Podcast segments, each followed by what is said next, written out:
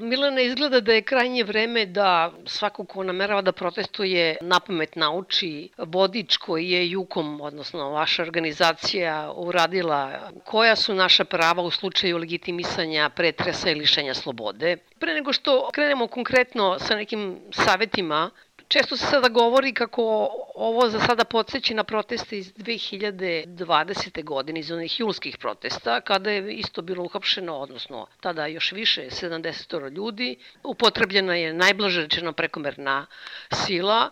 Ljudi su brutalno prebijani i u Novom Sadu i u Beogradu i Da li ti možeš da napraviš za sada neko poređenje sa tom 2020. godinom?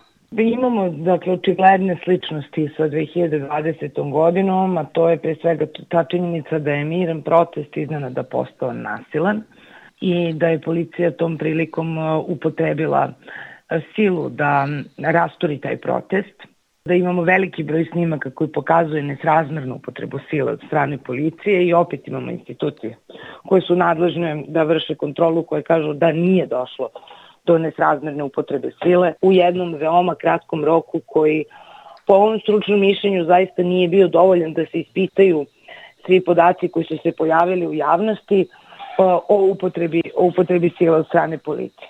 Dakle, hoćeš da kažeš da recimo ovo što je reklo više javno tužilaštvo, policija je u nedelju reagovala po zakonu, Zaštitnik građana vidim da je oduševljen ponašanjem policije, kaže da je to primer dobre prakse.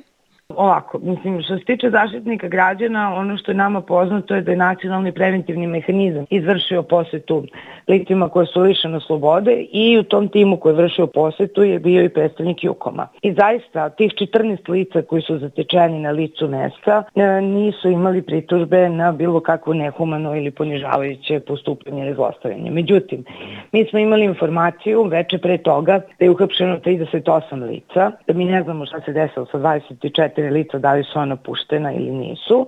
I druga stvar je što možda sva lica koja su dobila batine koje mi i tekako vidimo na snimku i ne možemo da poreknemo da su se dogodile, nisu lišena slobode. I važno je dakle apelovati na sve ljude koji su povređeni da odu pre svega kod lekara, da, da se konstatuju te povrede i da prijave da su povređeni, jer mi na osnovu onoga što je bilo dostupno u trenutku posete, zaista se stiče utisak da nije bilo nikakve torture, što je opet suprotno onome što se vidi na snimcima samog događaja, ali zaštitni građani izvuku taj zaključak na osnovu činjenica koje su bile dostupne u trenutku posete. Mi smo i 2020. godine imali zaštitnika građana, recimo, koji je rekao odmah da nije primetio ništa sporno, da bismo onda, tek kada je sve prošlo šest meseci posle toga, da on rekao pa jeste, stvarno bilo je u nekoliko slučajeva prekomorne upotrebe sile. Dakle, kada sve prođe, onda otprilike bilo je, jeste, bilo je, ali pojedinačnih uh, slučajeva.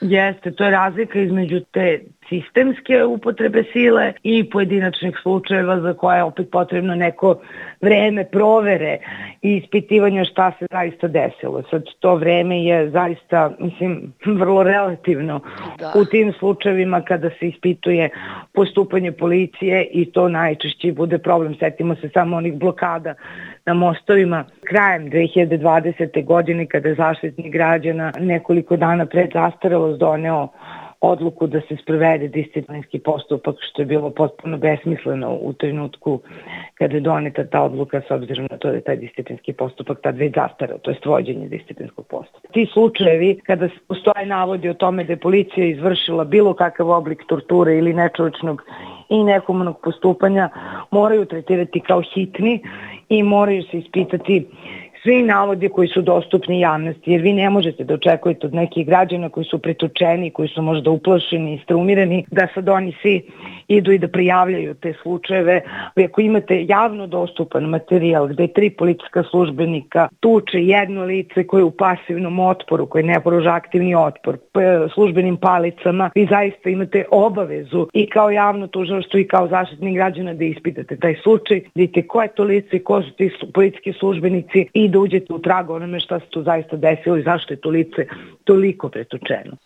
U ovom vašem vodiču, koja su moja prava u slučaju legitimisanja pretresa i lišenja slobode. Dakle, jedno od prvih pitanja koje se postavlja, a to je kod nas sve češći slučaj, da vam prilaze neki ljudi koji nemaju uniformu i zahtevaju od vas da im pokažete ličnu kartu. Dakle, kada se nas neko zaustavi, predstavi se kao policija, a ne želi da pokaže legitimaciju, šta onda? Prvo, policijski službenik u civilu ima obavezu da se predstavi da pokaže legitimaciju e, pre primene policijskog ovlašćenja i vi niste dužni da dajete nekoj nepoznatoj osobi koja se nije legitimisala svoje podatke i svoje dokumenta. Ono, ono što u praksi zaista predstavlja problem u ovim situacijama i što moram da skrenemo pažnju građanima, dešavalo se da neki policijski službenik u civilu bez predstavljanja primenjuje svoje policijsko ovlašćenje, da ljudi pružaju otpor, prosto brane se jer ne znaju o kome se radi i da naknadno završe sa krivičnom prijavom za napad na službeno lice. I to je jednostavno jedna nepravilnost na kojoj smo mi više puta ukazivali Ministarstvo unutrašnjih poslova i podnosili pritužbe, gde nam je rečeno da je nepredstavljanje policijskog službenika u civilu lakši disciplinski prekršaj, što je zaista nedopustivo s obzirom na težinu posledica koje mogu da proizađu iz nepredstavljanja. Međutim, ono što piše zaista u zakonu jeste da policijski službenik mora da se predstavi naročito ako je u civilu, a da pokaže legitimaciju ako je u uniformi na izrečiti zahtev lica nad kojim sprovodi policijsko ovlašćenje. Šta vi predlažete kako da se ljudi ponašaju ako ih odvedu u policiju ili javno tužilaštvo i kažu vi ste uhapšeni? Prvo što imate pravo na telefonski poziv koji možete da tražite. Možete da obavestite lice po izboru, možete da pozovete advokata, možete tražite pravnu pomoć, imate pravo da na jeziku koji razumete budete obavešteni o tome da ste uhapšeni iz kojih razloga, ukoliko ste pripadnik nacionalne manjine. Možete da tražite informaciju da li ćete biti zadržani i ukoliko ćete biti zadržani, znači mi morate da dobijete rešenje o zadržavanju u kome će biti obavešten vaš advokat ako ga imate ili će vam biti postavljen po službenoj dužnosti. Od trenutka kada ste uhapšeni, možete biti odmah odvedeni na saslušanje kod javnog tuživca ili u roku od 8 časova, Eventualno taj rok može biti duži uz posebno obrazloženje policije, ali morate što pre biti izvedeni pred nadležni državni organ. E, javni tužilac nakon saslušanja odlučuje da li će vas pustiti na slobodu ili će dati predlog sudi da odredi pritvor. Ono što je bitno je da policijsko hapšenje može da traje najduže do 48 sati, znači bez odluke suda do 48 sati, nakon 48 sati to mora da bude sudsko rešenje o pritvoru. Pre nego što nastavimo sa ovim uh, tvojim konkretnim ovaj, savetima, samo da kažem to da je malo uznemirujuće te najave koje potiču naravno i od uh, samog uh, Vučića, a to je da će neki biti optuženi za rušenje ustavnog poredka. On zna pre tužioca kako će to da, šta će to da se desi i za nasilno ponašanje na javnim skupovima, to su krivično dela, ali tako, to su već ozbiljne stvari. To je, kako da kažem, jedno krivično delo koje se koristi za zloupotrebu, baš kada su javno okupljanje u pitanju i ovo nije prvi put da se to krivično delo pozivanja na, na nasilno rušenje ustavnog poredka koristi da bi se zastrašili učesnici procesa. Da se vratim samo Milana na ove konkretne savete. Šta da se radi ako smo povređeni? Ukoliko ste povređeni, dakle, zavisi da li ste zadržani povređeni ili ste pušteni na slobodu. Ako ste zadržani povređeni, možete zahtevati da vas pregleda lekar po vašem izboru ili dežurni lekar, sve jedno i mora da bude prosto policija, mora da vam omogući lekarski pregled i taj lekarski pregled mora da bude izvršen bez prisustva policijskog službenika, znači u privatnosti. Policijski službenik može eventualno da bude prisutan samo ako lekar insistira zbog svoje bezbednosti da bude prisutan policijski službenik. Ukoliko ste pušteni na slobodu, a niste odvedeni kod lekara, kad dođete kući treba da prvo, prvo da podajete sa nekim to što vam se dogodilo, da bi prosto imali i svedoka i da bi imali pomoć u, u, u čitavom tom procesu, da fotografišete povrede i da odete kod lekara, da ćete uzeti lekarski izveštaj o povredama i o stanju koje se, u kom se nalazite u tom trenutku sa tim, sa tom dokumentacijom možete da podnesete krivičnu prijavu protiv policijskog službenika. Smatram da je ovo važno zbog toga što prvo ima dosta indicija da ulazimo u godinu opasnog nasilja ili godine, A s druge strane, zato što su ljudi skloni tome, a toga se sećam iz 90. godina i sličnih primjera, kada dobijete batine tako na ulici, vi ste u isti mah i uplašeni, i poniženi, i izbezumljeni, i onda je želite da idete samo kući da se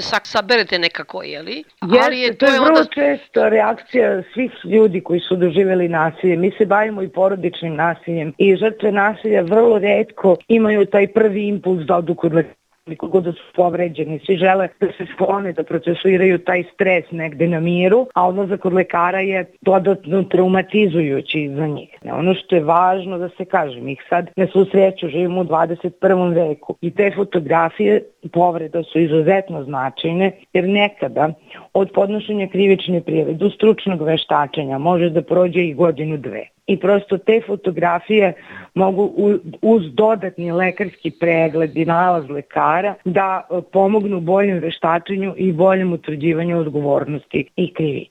Znam da je, da je to nešto što e, ljudima koji su pretrpeli nasilje poslednje što im pada na pamet, ali prosto da bismo evidentirali, da bismo dokazali nasilje, neophodno je da o tome postoji pisani trag lekara.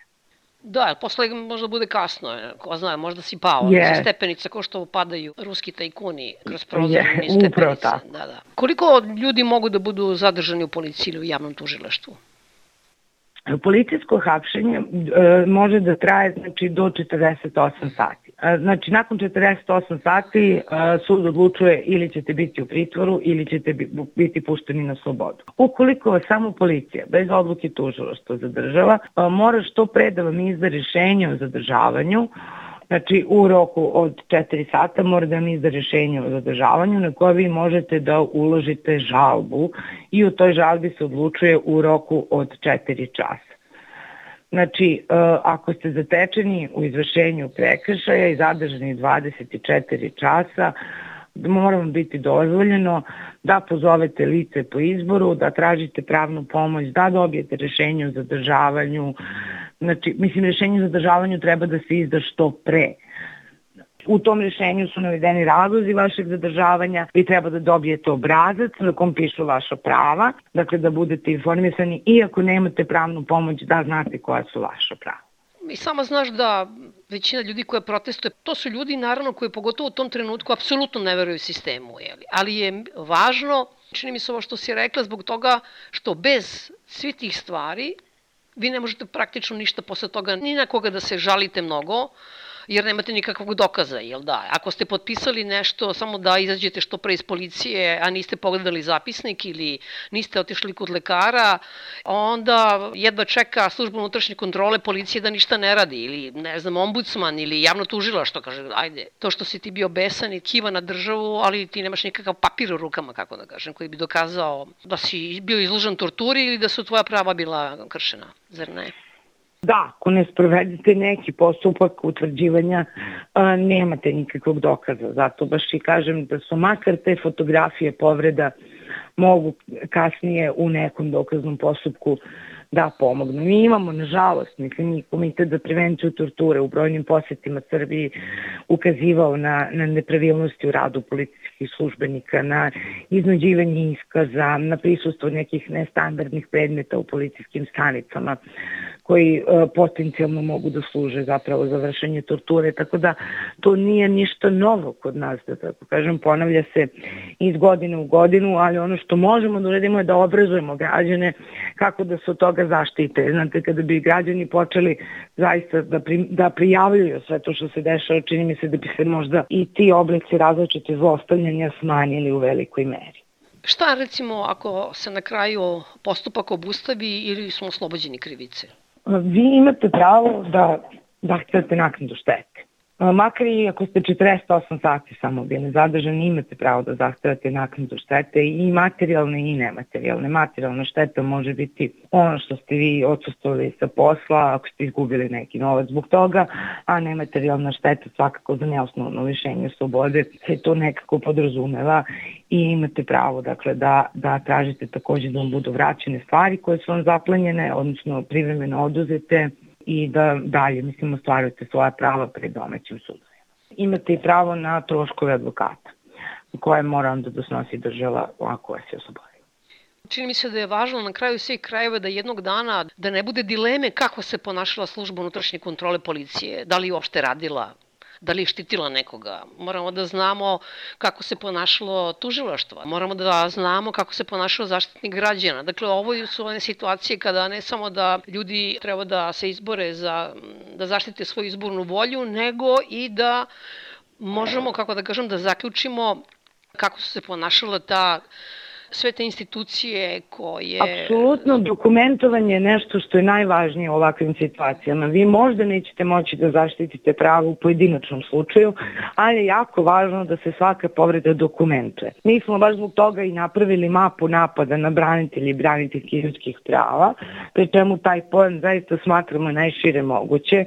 Mislimo da svaki građanin na ulici na neki način branitelj ljudskih prava, jer, jer prosto su to ti protesti, su te situacije kada građani traže svoje osnovna ljudska prava i trudimo se da dokumentujemo sve što je javno dostupno i sve što nam građani prijave da su doživeli i mislim da taj značaj dokumentacije nešto što će ostati za neko buduće vreme. Ako možda sada u ovom trenutku ne možemo da se izborimo sa tom situacijom, ostaće kao svedočanstvo ovog vremena, a svi znamo koliko je to važno.